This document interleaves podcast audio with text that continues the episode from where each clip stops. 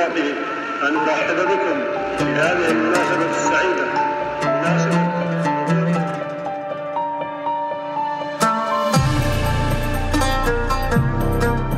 أراضي المعارض والأحياء الفنية جزء مهم في معالم المدن ومن أبرز العوامل اللي ترسم ثقافات هذه المدن. والمملكة العربية السعودية تعيش نهضة ثقافية وفنية في مختلف المجالات والأصعدة. واليوم بنتكلم عن أحد الأحياء الفنية حي جاكس في الدرعية.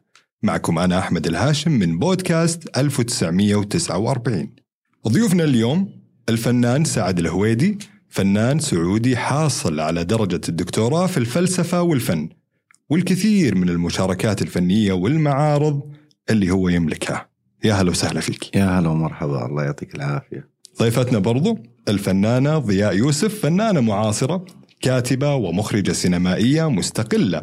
وعضو مجلس إدارة مؤسس في الجمعية السعودية للسينما. يا هلا وسهلا فيك. يا هلا فيك حياك. آه يعني اليوم إحنا نتكلم عن أشياء فنية، أشياء تاريخية، آه أشياء أكثر يعني من من رائعة إحنا نقول. آه خلينا آه فنانتنا اليوم ضياء يوسف. آه نتكلم عن قصة تحويل المنطقة من منطقة صناعية إلى منطقة فنية. طبعا آه، لما نقول حي جاكس فإحنا آه، نستعير الكلمة من أفواه الناس لأنه آه، أهل الدرعية يسمونه حي جاكس مم. فإحنا داخل حي جاكس يعني إحنا حي ثقافي داخل حي جاكس وهذه الكلمة هي المتداولة في في أوساط الناس. فأعتقد أنها أولا أولا هي خرجت من من الناس.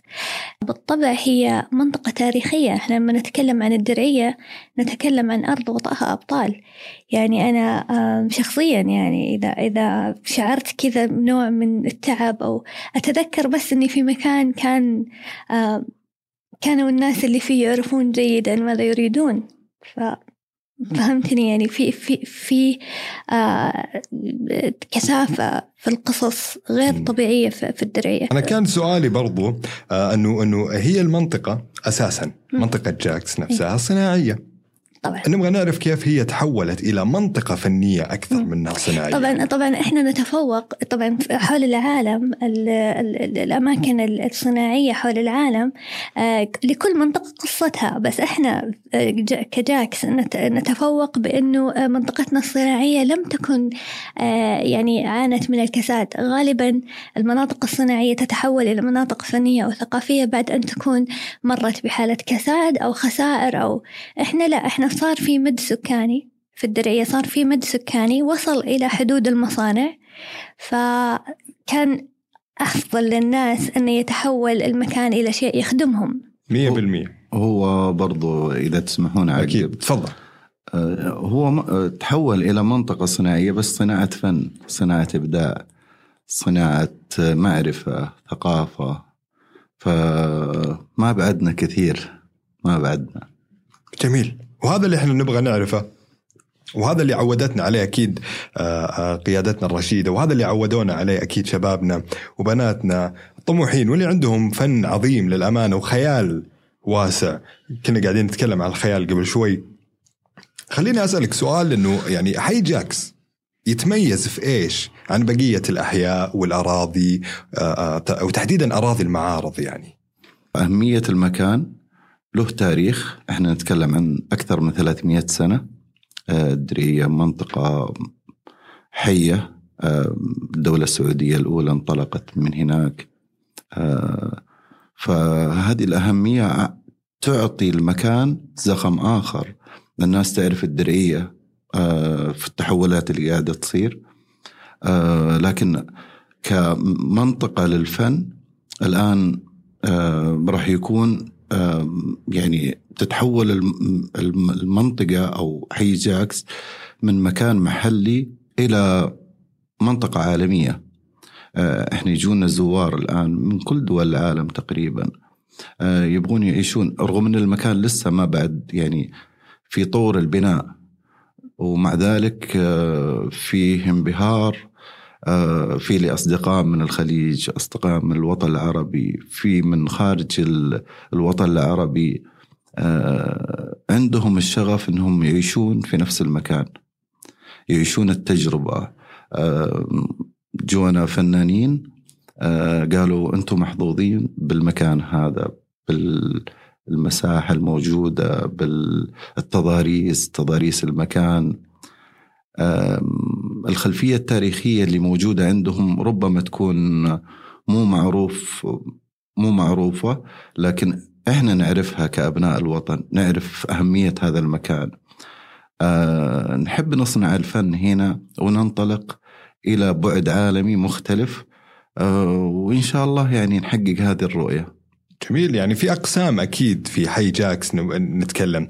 آه نبغى نعرف برضو إيش هي الأقسام؟ اللي موجودة في حي جاكس آه، نوعية الفعاليات اللي تقام فيها. يعني الآن اللي يسمعنا قاعد يتخيل ولكن ما وصلت للصورة الكاملة. نبغى ننقل له هذه الصورة. إحنا الحين آه، طبعا إحنا انتقلنا مبكرا. يعني آه، حتى اثناء أثناء ترميم يعني أنا حتى ما أسميها ترميم هي هي بالضبط إعادة إحياء. حرفيا هي إعادة إحياء للمكان فهذا اللي حصل في البينالي وكان أثناء إعادة إحياء المكان كنا إحنا نؤسس للاستوديوهات اللي هو الآن في فعاليات كثيرة أقيمت فيه في خلال شهرين أو ثلاثة. طبعا إحنا سوينا هذا الدهشة لكل العالم إنه إنه المكان آه، كانت فيه حياة غير عادية فعاليات مستمرة و وفي شهرين أو ثلاثة صنعنا دهشة حقيقية وسط الدرية يعني وغير متوقع. آه لو لو آه يعني لو لو فهمنا طريقة إحياء المكان آه، في وسط الدرعية وفي في وسط آه، فعاليات عالمية. هي هي حرفيا عالمية لأنه من كل العالم آه، اليوم موجودين فنانين ويعرضون في وسط جاكس.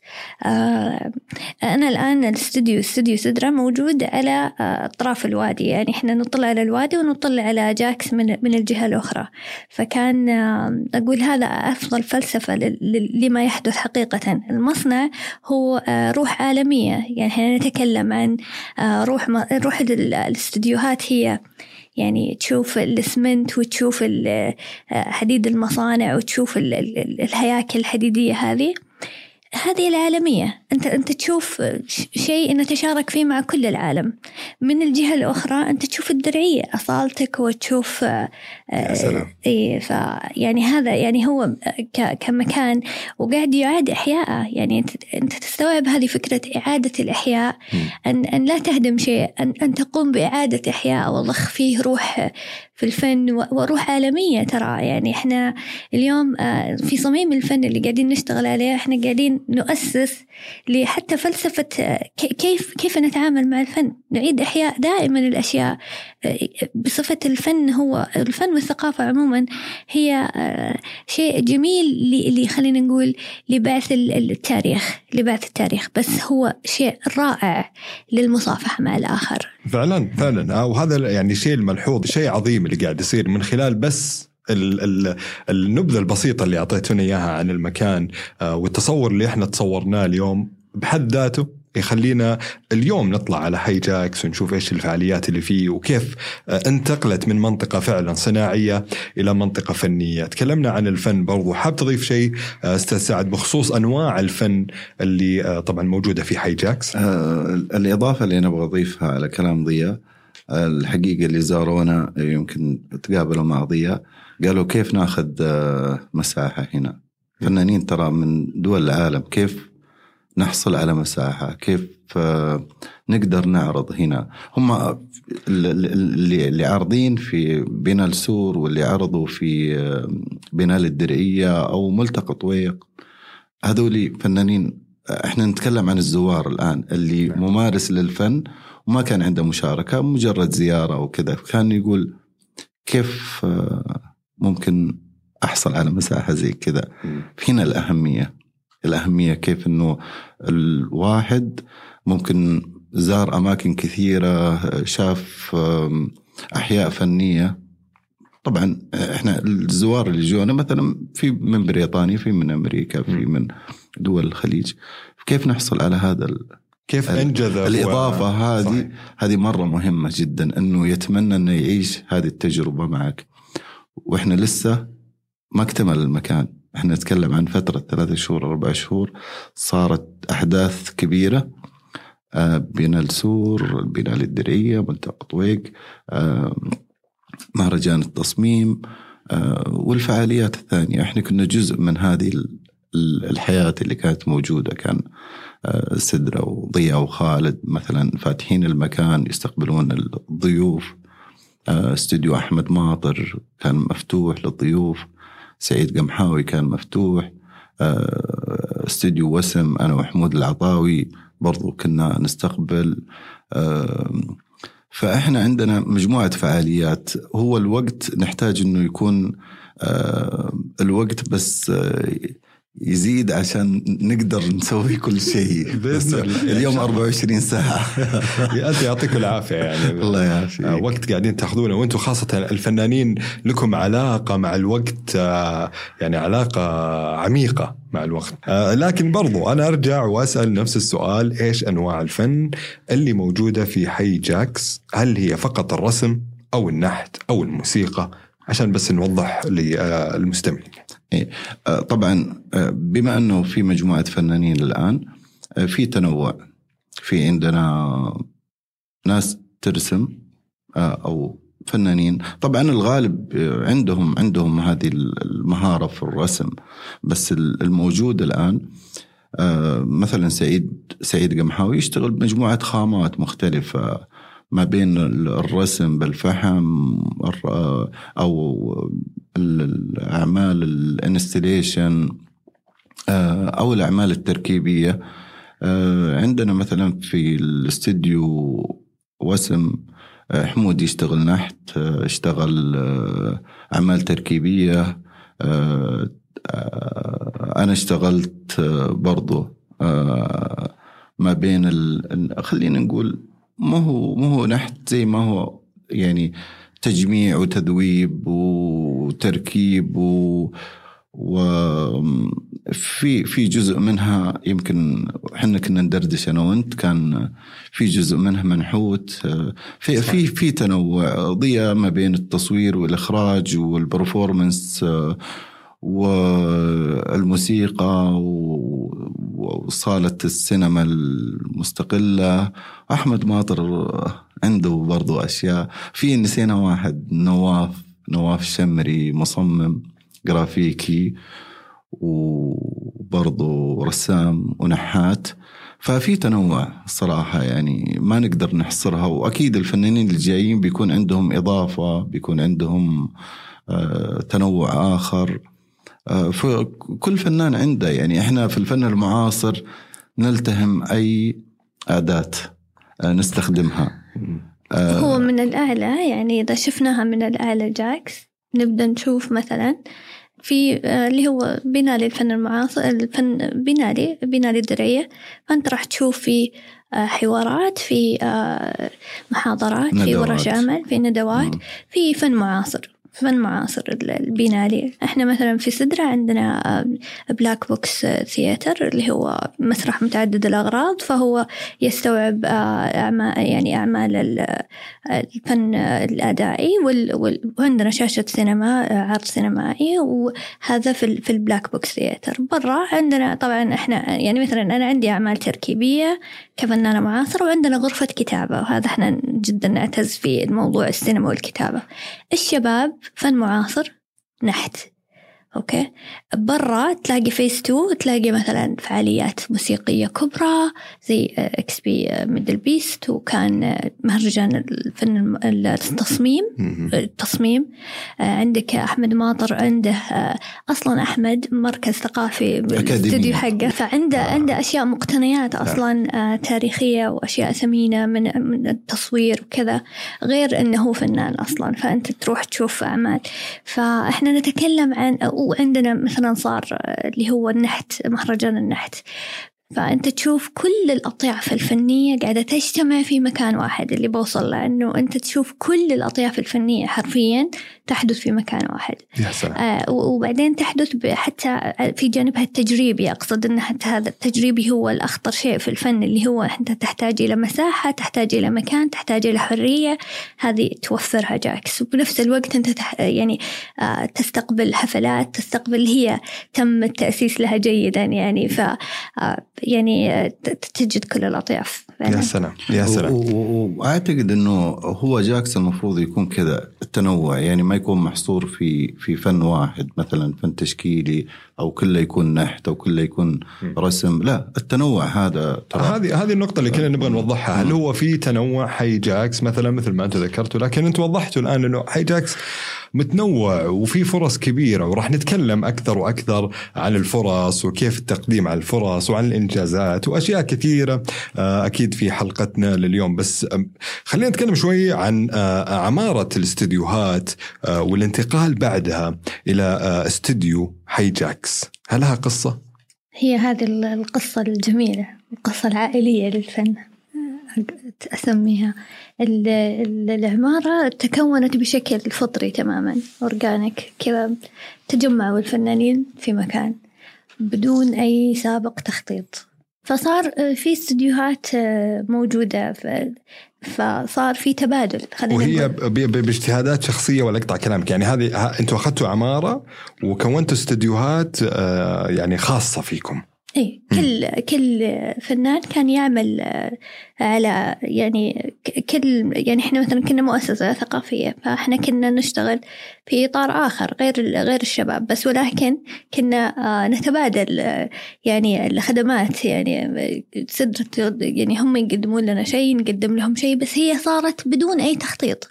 وصار إنه انبنى مجتمع خليني أسميه كذا مجتمع إبداعي حقيقي. يعني آه النجاح لما لما ننجح معا وإحنا بقرب بعض هذا هذا صناعة المجتمع وبالتالي لما ينتقل المجتمع هذا كاملا بكل ما فيه من اليرموك إلى الدرعية يا هذا. هذه قصة يا. سلام من حي اليرموك في الرياض إلى آه، الدرعية طبعا ها إلى حي- إلى حي جاكس إيه تحديدا يعني. طبعا هو أنا أشوف العمارة كانت آه، زي البيت النجدي يا في- سلام. فيه المقلط وفيه الصالة اي نسمع فيه السمبو المجلس. نسمع السمبوسة. ما أدري البسبوسة آه، والكعمات وفيه ففعلا كان الترتيب يعني ما كان ما كان مخطط له ابدا. اجتمعنا كذا كونا عائلة واحدة. آه، أحيانا نروح عند سدرة ناكل ونشرب عندهم. أحيانا يجون عندنا ونروح عند سعيد نشرب شاهي. آه، نتفرج على مثلا فيلم عند سدرة. نحضر آه، مثلا فعالية عند سدره بدون حتى بدون ما يدعونا يعني حتى لو ما دعونا إحنا موجودين. هو الباب مكان مفتوح. مكانهم ترى هو. يبالغ يعني هو مكانهم أصلا. سلام ال- ال- ال- فعليا يعني ما كانت الأبواب تغلق. يعني أنا ممكن تلقاني في الاستديو أنا وحمود فجأة رايحين عند سعيد ثم أخذنا سعيد ورحنا عند سدره ما في باب مقفل. ما قد جيت حضرت يعني إلا يكون مثلا في تسجيل أو شيء لكن العمارة طول الفترة تقريبا أربع سنوات اللي عشناها عشنا جو عائلي. وفي فعاليات يعني أنتم أحيانا تصير في الأسبوع في الأسبوعين في فعاليات في في الشهر أحيانا ارتبطوا بفترة طويلة إنه كل شهر تقام فعالية. فكانت المساحة مرة غارقة بالاشياء اللي تصير. بالناس يعني بالناس يدخلون يطلعون. ما كان عندي مع إن ترى إحنا كنا أكبر مساحة تقريبا موجودة. أحمد ماطر كان أكبر أحمد. مساحتنا ولكن كانت كبيرة ولكن برضو فيها ناس كثير. ف... فما أقدر كفنانة إني أقدم نفسي في... يعني كأعمال تجهيز. لكن مجرد ما انتقلنا إلى جاكس هذه المساحة أتيحت صار عندنا مسرح منفصل. آه، يعني تخيل إحنا أول كنا كل شيء يعني تخيل لو بس نبي نسجل بودكاست نسكر الباب.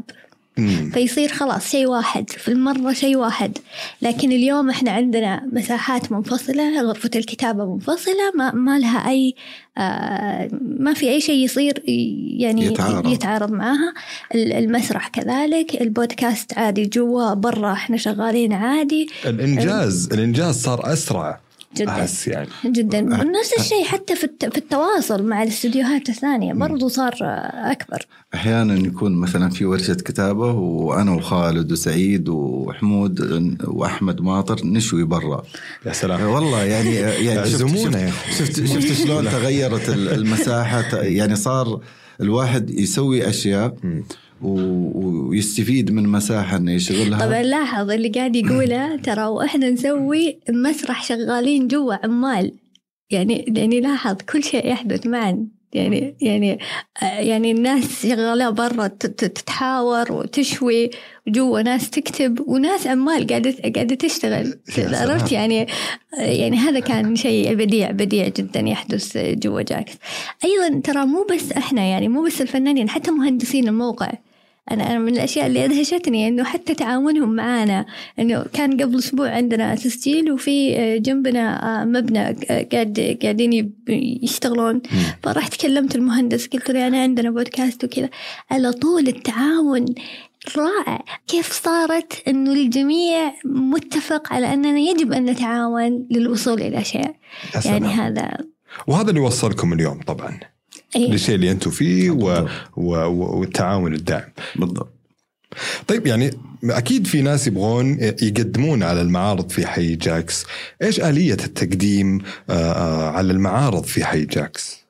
آه، طيب هو تقريبا قبل أربع شهور أو يمكن أكثر وزارة الثقافة طرحت هذه المبادرة في رابط خاص بالحي جاكس الواحد ممكن يدخل ويقدم ال CV portfolio معلومات عن كفنان. والجزء اللي هو يتعامل في أي نوع من الفن إذا كان مثلا في الفنون البصرية أو مثلا في المسرح في السينما في آه، إيش الجزء اللي هو والإضافة اللي بيضيفها في في حي جاكس على أساس أنه بيكون كيف يكون المكان منوع. فأطلقت المبادرة والناس قدمت قدمت يعني كل واحد قدم وش النشاط اللي هو بيسويه. فالمساحة يعني متاحة للكل يعني أي أحد يقدر يقدم ويعرض إيش الموجود عنده. جميل جميل جدا. طيب أنا في في فضول آه للأمانة. أبغى أسمع قصة بداية الفنان سعد الهويدي. بدايتي تقريبا كنت في الصف الثاني متوسط. أه، يمكن لسه ناجح الصف الثاني. أه، كنت أشوف الرسومات في الصحف الكاريكاتير نادي الهواة نادي الكاريكاتير في صحيفة الجزيرة. فمع أحداث أذكر أني رسمت وأرسلته لصحيفة الجزيرة نادي الهواة الكاريكاتير يعني. فبعدها تقريبا يمكن بأسبوع هي الزاوية هذه كل جمعة تنزل. في الأسبوع الأول ما نزل شيء الأسبوع الثاني نزل الكاريكاتير فصار الموضوع عندي والله شيء لطيف كذا ونزل عملي والله. وبعدين اللي معي في في الحارة وفي المدرسة أوه ترسم أنت وطلع لك عمل وصاير مشهور وكذا هذه هي كانت البداية الصراحة. يعني عمر مبكر جدا. آه، كنت كنت أخط أنا في البداية. يعني كنت يعني قبل الرسم كنت يعني خطاط أو أدرس الخط. يعني درست على يد الخطاط طاهر الآغا من أشهر خطاطين دمشق. آه، ما كنت مخطط لشيء بس إنه تعرف العمر هذا الواحد يدور يعني تلعب كورة أو تخط أو ترسم ما في ما في أشياء ثانية يعني إنها تشغلك أو تلهيك لازم تسوي كذا. فبعد بعد الثاني متوسط وبعد النشر في الكاريكاتير صار خلاص عندي التزام أسبوعي. إني أنا أرسم وينزل العمل وأتكلم مع الجريدة وما أعرف كيف أروح لهم ما أعرف آه، إيش اللي بيصير آه، لكن أروح المكتب البريد اللي في الحارة. يعني أنا أرسم الكاريكاتير وأروح المكتب اسلمه ويحط عليه الطابع البريدي وأدفع يمكن ريال ويوصلونه للجريدة. والجريدة تنشره بناء على الأوقات أو الزاوية اللي بعد 91 92 93 وأنا مستمر. آه، تقريبا في الصف الثاني ثانوي كان في مسابقة الرياض الكبرى الكاريكاتير. كانت آه، جريدة الرياض هي اللي سوته قدمت على المسابقة وحصلت على المركز الأول فيها. بعدها كلمني مكتب ال- الأستاذ تركي ديري الله يرحمه رئيس تحرير جريدة الرياض. وقال لي بنخليك ترسم في زاوية عندنا بما أنك أنت فزت بالمركز الأول في بيصير لك زاوية أسبوعية آه، كل يومين كل ثلاثة أيام آه، فاشتغلت معهم كنت ثاني ثانوي وكنت أستلم مكافأة ممتازة جدا من الجريدة. يا سلام. آه، كانت المسابقة نقلة بالنسبة لي. طبعا اللي كرمنا سلمني الجائزة. آه، أنا حصلت على المركز الأول في آه، أمير الرياض الملك سلمان. الله يطول في عمره. كان هو اللي سلمنا الجوائز. وكانت جائزة ثمينة بالنسبة لي. طبعا سلمت عليه. آه، الملك الله يحفظه. واستلمت الشيك. آه، واستلمت آه، جائزة ثانية من الجريدة. فهذه هي الرحلة بعد بعدها آه، تقريبا يعني في الفترة هذه خلينا نقول السن المبكر هذا ما كان في تخطيط لأي شيء. المهم إني أبغى أدرس فنون. آه، مع إنه اللي في عمري ما كان يفكر في هذا الشيء بس يمكن أنا عندي هذا التطلع. تخرجت من الثانوي اتجهت للجامعة الملك سعود. آه، أبغى أدرس فن. ما أعرف وش اللي موجود في الجامعات ما عندي أي آه، خلفية. آه، أنا أول واحد من إخواني يدخل الجامعة. آه، فكانت بالنسبة لي تجربة جديدة ما في أحد ما في source ما في أحد يقول لي روح المكان الفلاني. كان أبوي معارض على موضوع إني أدرس فن بعدين وش تبغى وكذا. قلت والله هذا اللي أبغاه ولا ما أبغى أصير ولا شيء. درست البكالوريوس خلصت. آه، طبعا درست تربية فنية ما كان في فنون جميلة ما كان فيه آه، أي شيء له علاقة آه، بشكل مباشر أنك أنت يعني تدرس الفنون زي ما يكون في الجامعات برا أكاديميات الفنون والجامعات المتخصصة. فبعد ما خلصت البكالوريوس آه، درست آه، مادة تربية فنية آه، تقريبا سبع سنوات أو أقل يمكن ناسي. آه، بعدين دخلت مرحلة الماجستير في جامعة الملك سعود وخلاص يعني أنا أبغى أبغى أتغذى آه، معرفيا أدرس الفن آه، أتعلم أبحث. خلصت الماجستير بعدين دخلت مرحلة الدكتوراه كان الماجستير في 2010 آه، خلصت 2013 دخلت آه، دكتوراه. الآن مرحلة مختلفة كفنان لازم يكون البحث آه، حاضر لازم يكون آه، تطوير في المهارة في المعرفة في الثقافة. ف بعد ال بعد ال 2013 رحلة الدكتوراه تقريبا استمرت ست سنوات من 2013 إلى 2018 كنت منشغل جدا كنت منشغل جدا بالدراسة وبالبحث. واضطريت إني أوقف ال- ال- الرسم في الصحف في 2013 كانت خلاص يعني 23 سنة من الرسم في الصحف. آه، 23 سنة من الرسم في الصحف. أعتقد أنها كانت كافية. آه، وأبدأ أبحث في المعرفة في التطوير آه، نفسي أكاديميا.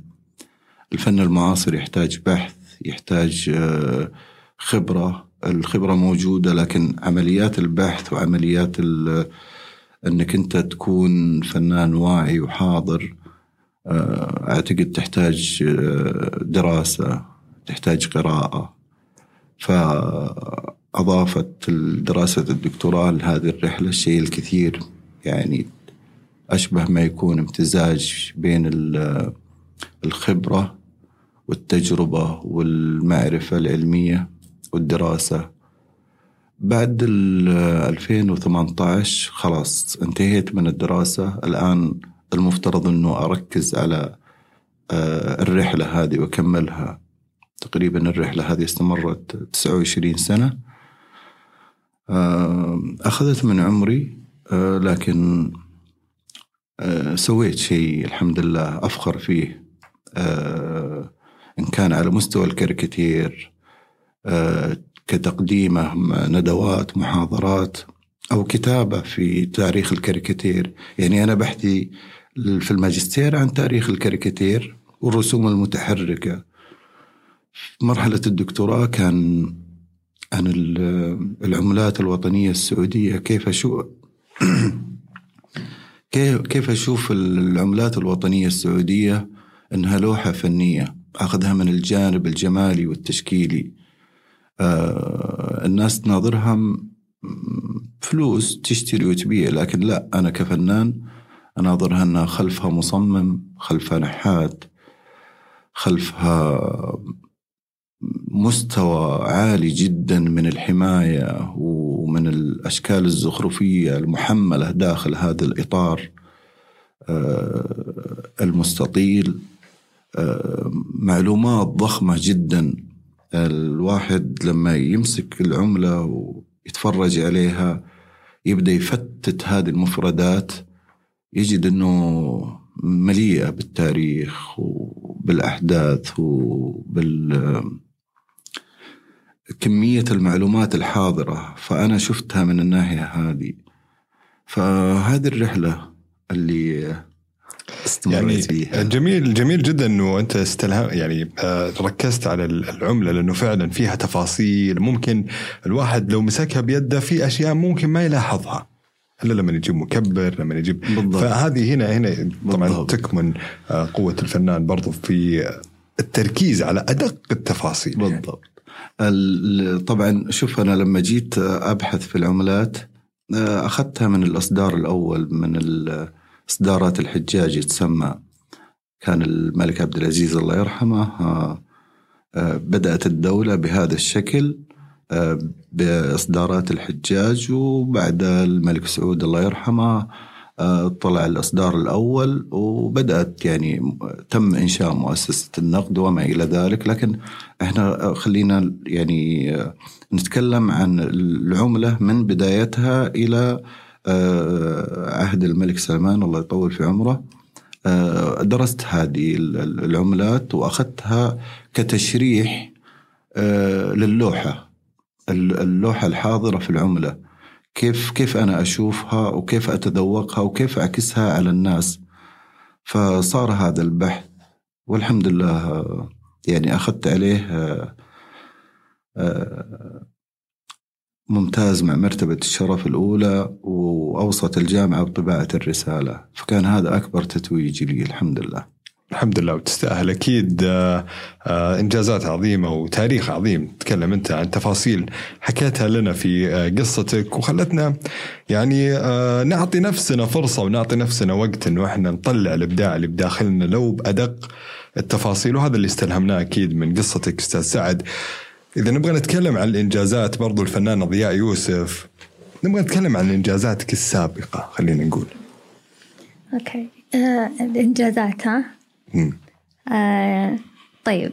أول شيء آه طبعا آه، هي الإنجازات بين الإنجازات ال- العملية وال- والمادية وبين الإنجازات النفسية ويعني طبعا هذه رحلة آه، رحلة طويلة وأنا يعني يمكن آه، أقدر أقول عشرين أو ثلاثة وعشرين سنة من من العمل بالضرورة هي أنتجت آه، الزمن يعني الزمن كان كفيل بتراكم التجارب.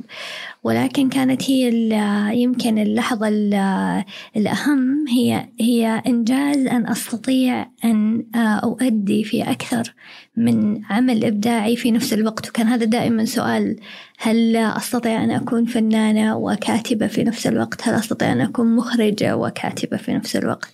أستطيع أن أكون كل هذه الأشياء في نفس الوقت. أنا أعتقد أكبر إنجاز سويته اليوم هو أني حققت المعادلة هذه. لأنها ليست بسيطة. أسهل للناس أنها تاخذك في مجال واحد أن تحقق نفسك في مجال واحد ولكن أن تقدم نفسك ككل بهذه الطريقة المزدحمة. آه، يعني هذا كان أكبر إنجاز أعتبره. ولكن نقدر نتكلم عن إنجازات مثل آه، مثل الفيلم آه، ولد سدرة اللي هو حصل على جائزة دبي السينمائي. وكان هو علامة يعني كبيرة أني أنتقل من الفن المعاصر إلى إلى السينما وتستقبلني السينما بحفاوة كفنانة معاصرة في البداية ثم أدخل إلى المجال السينمائي كمخرجة من خلال أعمال الفيديو آرت كانت هذه آه، قفزة كبيرة بالنسبة لي. ففزت بدبي السينمائي. بعدين أفلام السعودية مهرجان أفلام السعودية فزت بجائزتين إذا هذا يسمى إنجازا فأنا أعتبر هذا الإنجاز الحبيب إلى القلب لأني أحب مهرجان أفلام السعودية جدا. آه، برضو آه، إثراء وأنا بنت إثراء جدا. أنا أحب إثراء أو, أو يعني تجربتي طويلة جدا معهم. وكانوا هم داعمين جدا لتطوري آه، المعرفي في هذا الاتجاه لأني آه، أخذت رحلة معهم إلى أمريكا وطورت أدوات الكتابة عندي هناك. وبعدين برضو بعدها توالت الدعوات من من أمريكا أنه أرجع آه، أروح. وهذا كان الباب اللي فتحته إثراء في المقام الأول. وهذا يعني جزء من من الإنجازات اللي أنا أقدر أعتبرها ترى أنا أحب أن أفعل ما أحب. يعني جدا أحب أن أعيش وأن أفعل دائما ما أحب. آه، يعني بارتباطنا ووجود ال- المؤسسة كان متاح لي جدا أن أفعل ما أحب دائما ويكون هذا خير للعالم. يعني هذا هذا إنجاز أعتبره كبير. يا سلام. إيه. أبغى أبغى أعرف برضو نبغى نعرف إحنا والمستمعين آه إيش إيش أعمالك السابقة؟ إيه. ونبغى نعرف إيش أعمالك المستقبلية. أوكي. آه، أعمالي السابقة آم، يعني أنا عندي مجموعة مثلا أعمال المعاصرة اللي يعني أنا قدمتها. آه، عندي كتاب طبعا خلينا نتكلم من الكتاب. الكتاب هو كان آه، في البدء كانت الفكرة هي كانت تأملات في الفن المعاصر. عندي الآن حاليا تحت الطبع كتاب ثاني برضو للفن المعاصر. هذا يعني هذا واحد من الأشياء اللي يفترض مسؤولية يجب أن أفعلها يعني. وما أدري إذا هو إنجاز بس أحس إنه مسؤولية. إنك أنت تراكم معرفة معينة لازم تعطي هذه المعرفة للآخرين هذا شيء. أنت لا آه. تحسبين الإنجازات. الإنجازات تكلمنا عنها وأنت ما شاء الله إنجازاتك آه يعني تحكي عنك ما شاء الله. لكن نبغى نعرف إيش الأعمال تحديدا؟ ال- ال- السابقة والأعمال برضو اللي جاية. okay آه، okay آه، عندي أنا آه، في البداية طبعا سدره كيف بدأت أصلا؟ بدت سدره من إنها مجلة ثقافية أول شيء. فهي كانت سلسلة من المجلات الثقافية قدرت تحريرها ثم رأست تحريرها ثم آه وطبعا هذا كان بالتزامن مع كتابتي في الصحافة السعودية اللي هي جريدة الرياض جريدة الجزيرة. هذا يعني كان آه يعني أعطتني الحياة الكثير من الفرص الجميلة لتطوير أدوات الكتابة ومساعدة الآخرين في ذلك. آه، ثم آه، عند مرحلة معينة كان يفترض أنها تتحول المجلة إلى عمل آه، ثقافي مؤسسي لأنه آه، بعدها خلاص لازم يدخل إدارة ويصير هذا العمل آه، يراعي آه، كثير من الناس وليس عمل فردي. فكذا تحولنا إلى إلى مؤسسة وهذا كان بداية علاقتي بخالد وبداية العمل المشترك في- المؤسسة. هذا آه، يعني هذا واحد من الأشياء يعني تحولها إلى اليوم إحنا عندنا منصة اللي هي منصة كينونة. هي نقدر نقدر نسميها امتداد لموضوع المجلة. لأننا عدنا مرة أخرى اتصلت يعني اتصلت الفنون ببعضها من خلال المجلة. رعينا الفنون باتصالها في بعضها. ثم تحولنا إلى منصة إلكترونية برضو آه بلاتفورم آه نيو ميديا.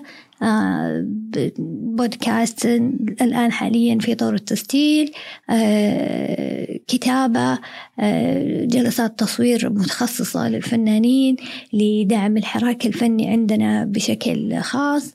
هذا يعني واحد من الأشياء اللي أشتغل عليها الآن. كفنانة أنا الآن قاعدة أشتغل من خلال استوديو جاكس بشكل أوسع على أعمالي اللي ما كانت متاحة لي قبل قبل جاكس اليوم آه توسع العمل في الاتجاه الأدائي في اتجاه ال installation art صار آه أكثر. ممكن أتكلم لك عن المواضيع لأنه حتى المواضيع برضو كبر هذا آه، يعني المفاهيم نفسها بدينا نصير أعلى. يعني صحيح. نتكلم بنبرة أعلى. مية بالمية مية بالمية. آه أنا راح أسأل عن تجاربكم الشخصية في حي جاكس خليني أبدأ معك أستاذ سعد. أحكي لنا شوي عن تجربتك الشخصية في حي جاكس آه، طبعا التجربة آه، التجربة كانت آه، كيف إنه المساحة هذه الاستديو وسم آه، أتشاركها مع حمود العطاوي. آه، كيف بدينا نخلق الجو إنه خلاص أنت الآن في مرحلة أكبر مساحة أكبر لازم تكبر الأفكار تكبر الم- المشروع يكبر آه، الشيء الصغير اللي كنا نت- نتعامل معه بما أن مساحتنا السابقة كان قد ما نقدر نصغر العمل لا الآن قد ما نقدر نكبر العمل. فبديت أشتغل على هذا الموضوع ك ك خامه أو كمساحة حجم آه، أو حتى حجم في الفكرة. بالنسبة للافكار بنك الأفكار ضيق طبعا. مثلا في في هذا طبعا إحنا نتكلم عن فكرة إنه عمل فني. لأنه العمل الفني مبني على فكرة مو إني آخذ الفرشة و... وأرسم. آه، إحنا نتكلم عن فن معاصر إنه في فكرة في أولية في بحث في آه، اجتماع أكثر من مرة. مثلا زي مثل ما قلت لك مع مع ضية نجلس جلسة جلستين ثلاث. أنا وحمود آه، أحيانا نجلس بالأيام نتكلم عن موضوع عن فكرة نروح نقرأ عنه. آه، مثلا آه، الكتب المصادر موجودة.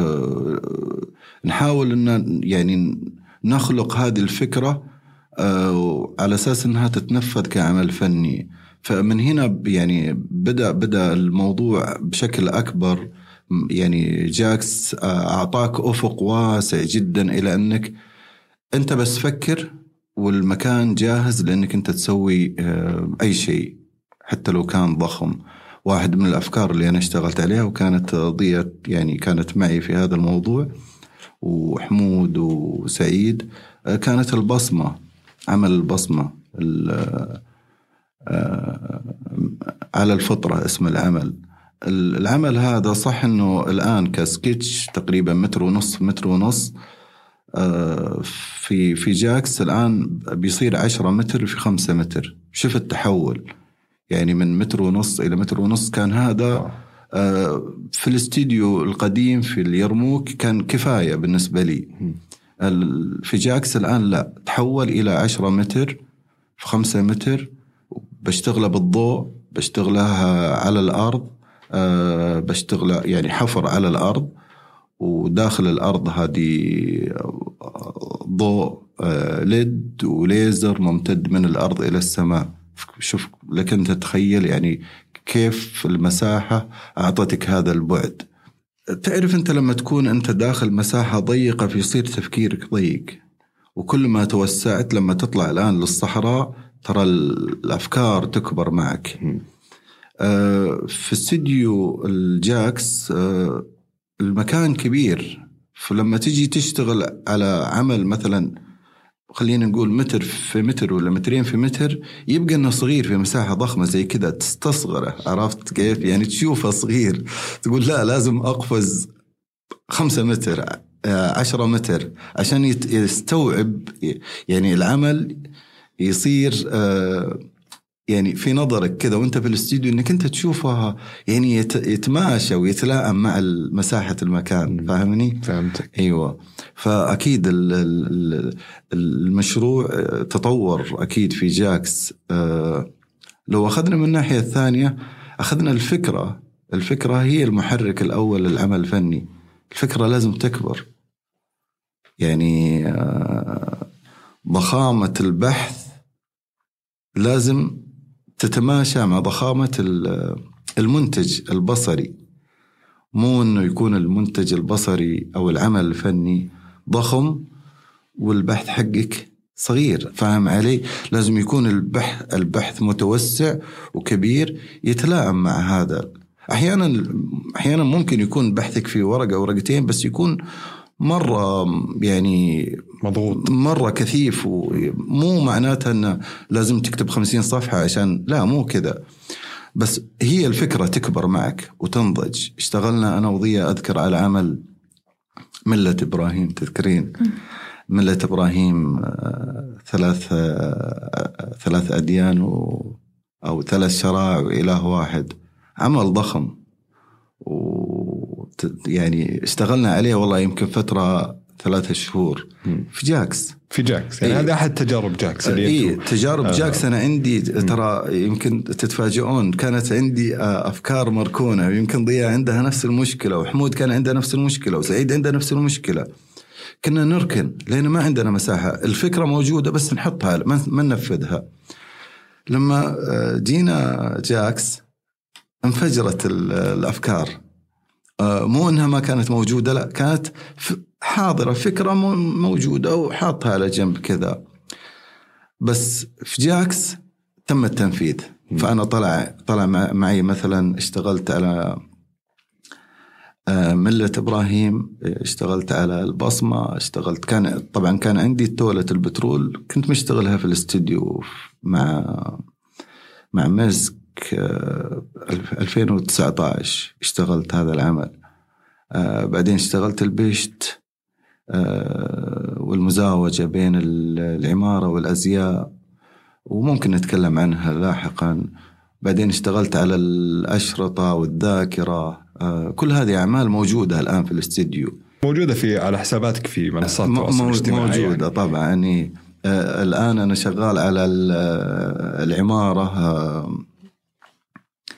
العمارة آه، الطرز المعمارية في في المملكة العربية السعودية بسوي timeline بيكون العنصر الأبرز فيها آه، الزخرفة اللي موجودة على البشت. نفس شغلي اللي أنا اشتغلته آه، بيكون من بيت الشعر البيت الطين لل حجر. الاسمنت والبلوك إلى الحجر حجر الرياض إلى الرخام. إلى الزجاج والستيل وناطحات السحاب المركز المالي ونيوم. كل هذه بتكون حاضرة في عمل واحد ك آه، سلسلة آه، تشوف تشوف ال- المدينة كلها في متنوعة بكل طرزها المعماريه في عمل واحد. بيكون عمل ضخم آه، وإن شاء الله إنه يكون على قد الطموح. متحمسين له كثير للأمانة. أنا شفت يعني جزء من هذا العمل لا قبل شوي. لا؟ تعلم. اي أنا أنا شفت جزء شيء بسيط متحمسين لهذا العمل للأمانة. آه يعني فكر واسع للأمانة. آه نبغى برضو نسمع منك ويعني يا ريت تحكي لنا كذا برضو شوية وباختصار عن تجربتك في آه آه، في حي جاكس والشخصية تحديدا. أنا كانت آه، تجربتي الشخصية في حي جاكس آه، هي بالضبط الأشياء المركونة اللي قال عنها دكتور سعد الأشياء المركونة اللي تحركت الآن آه، صار وقت أنها تظهر على الأرض. حاليا العمل اللي قاعد أشتغل عليه هو صراحة هو خارج جاكس هو هو في الرياض. يعني أنا أشتغل حاليا على مشروع رسم خريطة للرياض من خلال الوعي بالأشجار تسميتها. أول شيء إحنا أي شيء نسميه المبدأ ال- الفكرة قائم على أنه أي شيء نسميه نراه ونستوعبه. فإحنا لما لما نستوعب أنه أنه نستطيع أن نقرأ المدينة بعدة طرق آه، ال- الخريطة ليست هي الواقع. حتى الخريطة اللي نشوفها الآن في جوجل هي ليست الواقع. ربما ثم ثمة بقالة سقطت سهوا في ال في ال في, ال- في الخريطة. ربما آه، إشارة ربما شارع مقفل تهمش ال- الخريطة. لكن ماذا لو آه، نقرأ الخريطة بطريقة ثانية وجديدة؟ طبعا العمل شعري وفي جانب سينمائي وفي جانب أدائي وفي تعاونات كبيرة مع مجموعة كبيرة من الفنانين الأداء ومن أنا أحاول إني أدمج بين آه، بين كوني شاعرة وبين آه، كوني سينمائية وبرضو فنانة معاصرة في عمل واحد. فهو ياخذ جهد كثير ولكن آه، بقدر ما هو قاعد ياخذ صراحة وقت ولكن النتائج جيدة. داخل داخل جاكس كان أنا عندي عمل آه، هذا العمل installation اللي, قلت لك أنا ما كنت أقدر أسوي هذا أول واحد. آه، هو اسمه المعجزة. وأنا أشتغل كثير على موضوع الآيات والمعجزات. وعندي آه، إيمان بأن وجهة نظرنا تجاه الأشياء هي اللي تخلينا نلمح ال- المهم اللي اللي يعكسنا. يعني إحنا من أي زاوية ننظر إلى الأشياء. وهذا وهذا موقف من الحياة اجمالا. وهذا العمل هو هو استعملت لعبة كانت موجودة أيام السبعينات وأيامنا يعني أنا القديمين. والثمانينات السبعينات والثمانينات كانت موجودة هذه اللعبة واختفت من الحدائق. فأنا دائما أقول أولاد الثمانينات يذكروني بال لعبة التسلق هذه. كانت لعبة تسلق. فصرت ركبت فيها آه، اللي هو خيوط العنكبوت. واللي ألمح فيها إلى العنك... إلى شبكة العنكبوت اللي حمت الرسول اللي هي القصة اللي إحنا يمكن كثير في وجداننا موجودة بحب يعني إنه كيف لطف ربي وحمايته تنزل بهالشفافية بهاللطف العجيب. فإحنا جيل كامل جيل الثمانينات تحديدا جيل كامل هو يقود اليوم الرؤية وهو مر بأشياء يمكن ما نتصورها. يعني هي في معجزة هنا حصلت في في لطف رباني نزل. وطبعا هذا يمشي على تراثنا الإرث في العلا. طبعا عندي عمل آخر برضو عرضته في اللي هو يتكلم عن كيف برضو العلا كيف حفظت لنا إلى اليوم أن, أن يكون هذا الكنز محمي بهذه الطريقة الجميلة. آه، نفس الشيء هي يمكن أحداث بسيطة تحدث ولكنها هذه تكون مفتاح السر اللي, اللي يفتح هذه الأشياء. طبعا يعني أكثر أعمالي هي تتكلم عن هذه الآيات اللي تحدث اليوم دعم الرجل للمرأة كيف إحنا اليوم آه، في مرحلة جديدة تماما وهكذا. فهذه يعني أعمالي الجديدة كلها تتكلم عن نفس الثيمة. طيب يعني آه، جميل الأمان. قاعدين نسمع تجارب وقصص أكثر من رائعة وهذا يعني اللي قاعدين نسمع منكم اليوم تفتح لنا آفاق وتخلينا نتخيل آه، مثل ما قلت قبل بأدق التفاصيل الدقيقة اللي ممكن تمر علينا كذا وإحنا ما نحس آه، فيها. بما أنه تكلمنا عن أصحاب الأعمال نبغى نعرف حجم الفرصة اللي يوفرها حي جاكس لأصحاب الأعمال والفن الفنانين الجدد. الفنانين الجدد. آه، طبعا آه. أنت لو لو انتبهت إنه ترى هي فعاليات كثيرة وكل الفعاليات تستقطب فنانين أنا أقول إن شاء الله بس نكون عندنا فنانين يكفون لكل هذا العمل والجهد. وطبعا إحنا ترى إحنا بلد مليء بالمبدعين والموهوبين وإحنا نشوف حتى الفعاليات اللي حولنا يعني حولنا في المنطقة يمكن أكثر ما يجعلها تزدهر هو هو الفنانين السعوديين الموهوبين السعوديين. فبالك إذا كانت مشاريعنا إحنا يعني آه، في الداخل. فالبينالي شفنا أسماء جديدة. من خلال البينالي مهرجان التصوير شفنا أفلام آه، شفنا أسماء آه، أفلام معلش sorry. أيوه المجال أيوة اي ما مشكلة. okay. فشفنا آه، أسماء جديدة من بينالسور برضو لعرض الأعمال الفنية كعرض وكتطوير. وأنا أعتقد إنه تطوير يعني الورش اللي مثلا إحنا نقدمها في أنا أعتقد إنها فاصلة في حياة الفنانين. يفترض إنهم يدربون بكل الطرق حتى الكتاب حتى مبدئيا إحنا آه، قاعدين نصنع الموجة قاعدين نصنع الفن هذا جديد. هو في أشياء كثير جديدة الآن تنمو يعني الآن تنمو. فإحنا نحتاج أننا نقوي عضلاتنا على ما قالوا. فهذا اللي الدور اللي نبغى نسويه. الآن لأي درجة هذا مفتوح صدقوني ما يحتاج. بس طقوا الباب ادخلوا بس. يا سلام. هذه أنت يعني آه، ما يحتاج. اختصرتيها. والابواب مفتوحة أكيد يعني. طبعا. طبعا. هو يعني المساحة آه، أو المساحات اللي موجودة. كل الفنانين الصراحة اللي موجودين حاليا آه، فاتحين المساحة للكل. عندك أنت برنامج تبغى تسويه؟ الله يحييك. عندك فكرة تبغى تطورها؟ تعال عند سدرة تعال عند سعيد تعال عند حمود تعال عند سعد آه، تعال عند نواف. تحتاج مثلا شيء تصميم آه، في الطباعة. في ناس متخصصين يعني عبد الله الكناني موجود أحمد ماطر آه، ممكن يصمم. آه، نواف الشمري برضو مصمم آه، يساعد في في الفكرة أو حتى في طريقة كيف أنت تطبع منتج أو أي شيء تحتاجه في المجال هذا في مجال التصميم.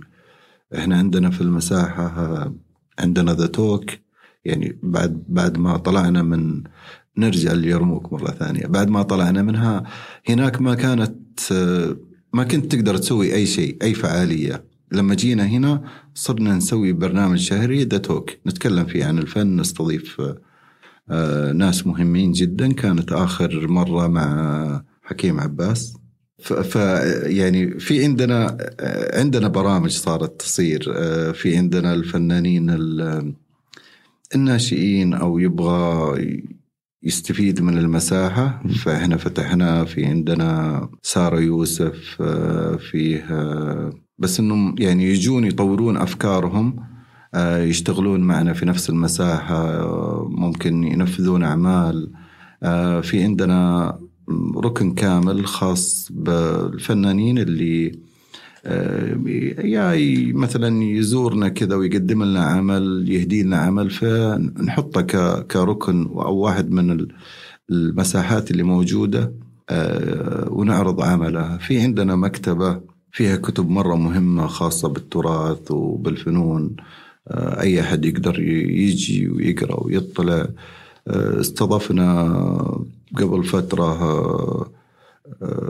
جهات سواء قطاع خاص أو جهات تسوي تنظيم تسوي تصور مثلا استخدموا حتى الاستديو كلوكيشن فمرة مهم جدا. يعني الآن الحركة صارت أوسع وأكثر أكثر آه، تنظيم آه، فالمساحة ملهمة جدا للكل. مستقبل آه، المعارض والمهرجانات الفنية تحديدا في المملكة وبشكل عام كيف تشوفونه؟ يعني إحنا نتكلم عن منطقة واحدة قلنا في خلال شهرين كل هذا حدث يعني ف يعني إحنا مقبلين على مرحلة إذا هذا إحنا تونا في البداية فما بالك الخطط الجاية بالضرورة أن الخطط الجاية أكبر. إيه، إحنا الحين نشوف لمحة. يعني إحنا قاعدين نشوف ما زلنا نرى لمحات. لأنه كنا نقول في البداية أن وزارة الثقافة تنمو وزارة ناشئة من الصفر. يعني يعني فما بالك الآن والأشياء بدأت تستقر الآن والمشاريع بدأت آه، تنهض ونشوفها يعني. فأعتقد أنه إحنا مقبلين على مرحلة هائلة جدا. قلت لك قبل شوي وأعيدها وأكررها إحنا محتاجين وهذا دائما أقولها إحنا محتاجين لو لو الثقافة والفن تتحط في كاسة نشربها شرب لأننا محتاجين إلى شعور الكمال الداخلي لأجل أن نسابق الزمن بهذه الطريقة. الأشياء اللي قاعدة تصير كبيرة جدا لازم نكون بحجمها ولازم آه، يعني يا رب نستوعبها نستوعب ال- التطور اللي قاعد يحدث بهالشكل. شيء كبير عظيم. إن شاء الله نكون مستعدين له. بإذن الله. وجهة نظرك ال- أستاذ سعد. آه طبعا آه الكلام اللي قالته ضياء مرة مهم جدا إنك أنت تستوعب المرحلة اللي أنت فيها عشان تنطلق يعني بنفس الحجم. عندنا مثلا ال ال ال الأحداث اللي صارت في الثلاثة شهور هذه آه أحيانا دول تحتاج إنها تاخذ لها خمس سنين عشان عشان تسوي هذه المهرجانات. يعني نور الرياض كان آه مهرجان ضخم جدا آه شارك فيه فنانين من كل دول العالم. آه، بنال الدرعية أول بنالي ضخم جدا في مشاركات عالمية. بعد بيكون بنالي الفنون الإسلامية برضو مشروع آخر. ملتقى طويق للنحت. استضاف فنانين من تقريبا من دول كثيرة فأنا أتصور أن العمل ضخم جدا والفنان لازم يكون واعي لأنه المشاركات آه، هائلة جدا ومتصلة ورا بعض ولازم تكون أنت مع الحدث أو بيسبقك هذا القطار السريع. ولكن نتكلم إنه مستقبل المعارض والمهرجانات الفنية في المملكة بشكل عام مستقبل باهر ولسه إحنا في البداية نقول ها؟ بالضبط. لسه إحنا في نقول البداية. بسم الله. بالضبط. وبالمملكه بشكل عام يعني. خلينا بس نبغى نعرف والنقطة الأخيرة تقريبا في آه آه يعني آه بودكاستنا اليوم نبغى نتكلم عن الرؤية المستقبلية الحي جاكس والمشاريع والخطط القادمة. ال- طبعا الرؤية المستقبلية أنا أشوف أنه آه الآن إذا كانت هذه البدايات كيف بتكون؟ آه في المستقبل. إذا كان البناء البداية بالشكل هذا بالضخامة هذه فأنا أتصور أن المستقبل راح يكون عظيم للفنانين آه، صالات العرض المعارض الفنية المشاركات آه، من الخارج آه، فنانين اللي يزورونا حجم الزيارات اختلف تماما. فأتصور يعني خلينا نقول إذا كان ثلاثة شهور بعد سنة أنا أتصور إنه بي- يعني الحي هذا راح يكون يتسيد آه، ظاهرة آه، مو على مستوى الخليج أنا أتصور حتى على مستوى العالم. آه، الناس بتبحث عن هذا المكان وتستهدفه للزيارة. والفنان يجب انه يكون حاضر آه، يكون آه، مستعد لهذه اللحظة. الأمانة كانت حلقة جميلة. كانت هذه الحلقة معكم عن حي جاكس مع الفنان سعد الهويدي والفنانة ضياء يوسف. آه، آه، شكرا لكم شكرا لتواجدكم معنا اليوم. والحديث برضو عن حي جاكس ومستمعينا. آه، إلى لقاء آخر وضيوف آخرين نناقش معهم أبرز الفعاليات الفنية في المملكة العربية السعودية من بودكاست 1949 كنت معكم أنا أحمد الهاشم. في أمان الله.